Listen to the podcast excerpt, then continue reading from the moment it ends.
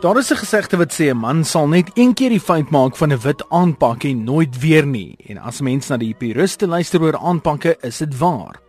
In die 1860s het die algehele gewildheid van buiteaktiwiteite onder die middel- en eliteklasse gelei tot 'n verandering in die manier hoe mense aangetrek het. Mans se formele aanslag het verander om meer gesofistikeerd voor te kom.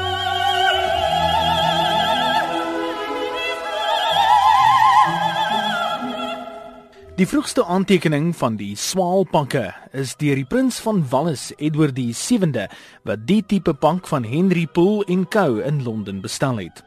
Poole het iets anders probeer doen om die prins se uitrusting totaal uniek van die res te maak en hom dus te laat uitstaan. En so die swaalstert pank oftewel die tuxedo die lig gesien. Poole het wel die eerste swaalstert, die smoking jacket genoem en eers later na swaalstert oorgeslaan. Die oorspronklike Henry Poole Co bestaan vandag nog in Londen en is in besit van die eerste 4 pakke, insluitend die een wat hulle vir Edward die 7de gemaak het. Een van die ontwerpers by Pool & Co verduidelik die pak wat nog in hulle besit is. Well, yes, the evening suit.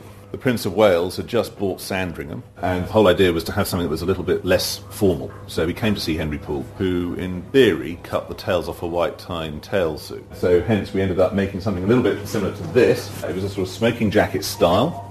Uh, we did it in a midnight blue satin silk with matching trousers and that's really how the evening suit began and it sort of morphed more into the one which you normally get today. Hy verduidelik ook die oorsprong van die naam tuxedo en hoe die prins van Wallis daarbey inpas.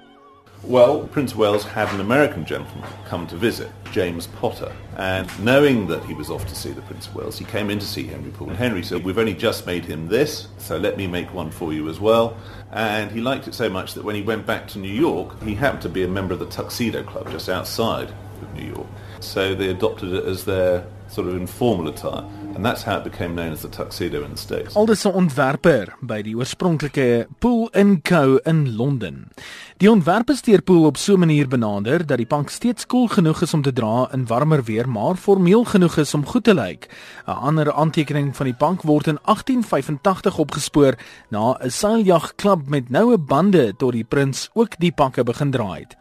Die beskrywing verwys na 'n kort baadjie met 'n lang stert na agter met twee knope voor, ryk aan kleur en byna iets wat ons voorvaders sou dra. Die beskrywing verwys ook na die baadjies as 'n militêre formaat kledingstuk wat aangepas is vir die moderne man om sterk en in beheer voor te kom. Van Pool en Co se suksesvolle ontwerp tot waar ons vandag is by die tuxedo en die swaalsterte, gewild onder gesofistikeerde mans. Lyk goed en voel goed.